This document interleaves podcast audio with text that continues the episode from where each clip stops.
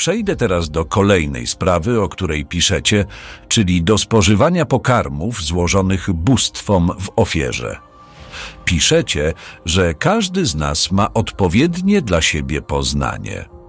Trudno się z tym nie zgodzić, ale przecież nie o to chodzi w Bożej postawie ofiarnej miłości, gdyż wiedza w życiu wspólnoty Bożego ludu nie jest najistotniejsza.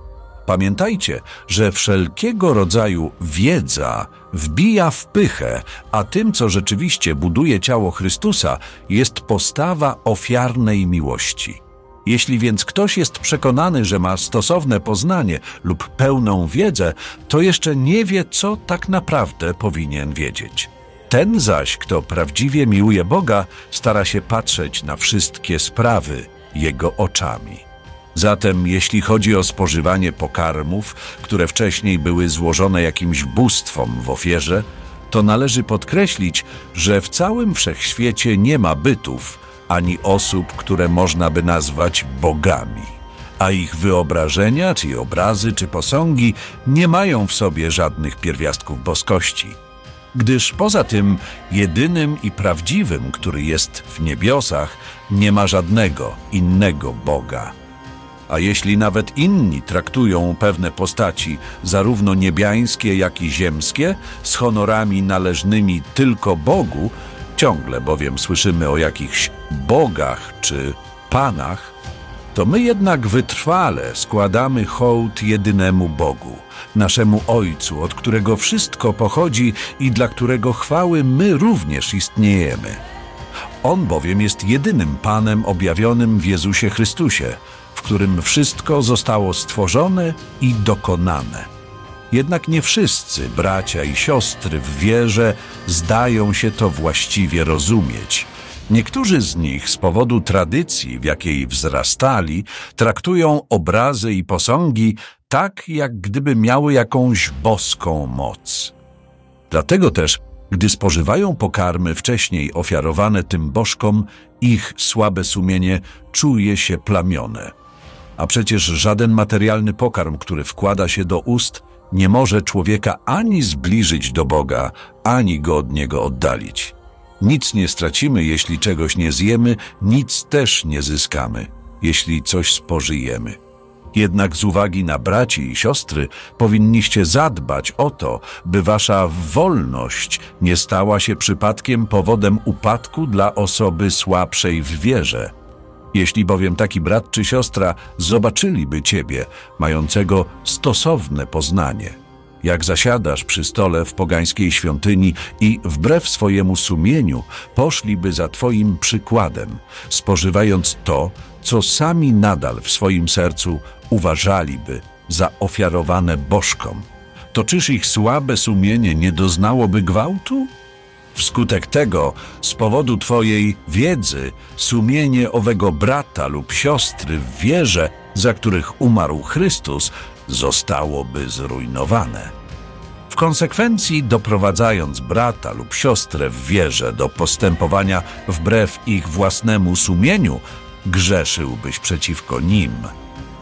Niszcząc zaś słabe sumienie osoby współwierzącej, grzeszyłbyś przeciwko samemu Chrystusowi. Jeśli więc jedzenie pokarmów pochodzących z pogańskich świątyń miałoby doprowadzić mego brata lub siostrę w wierze do upadku, przenigdy nie będę tego robił, by ich nie gorszyć.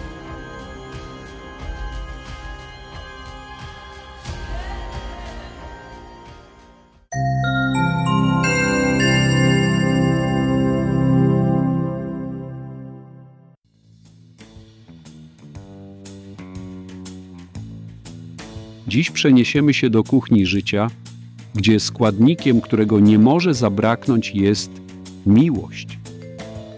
W naszym przepisie na dzisiejsze rozważanie weźmiemy na warsztat fragment z pierwszego listu do Koryntian, który mówi o jedzeniu ofiarowanym bożkom i o wolności, ale przede wszystkim o miłości i wzajemnym poszanowaniu.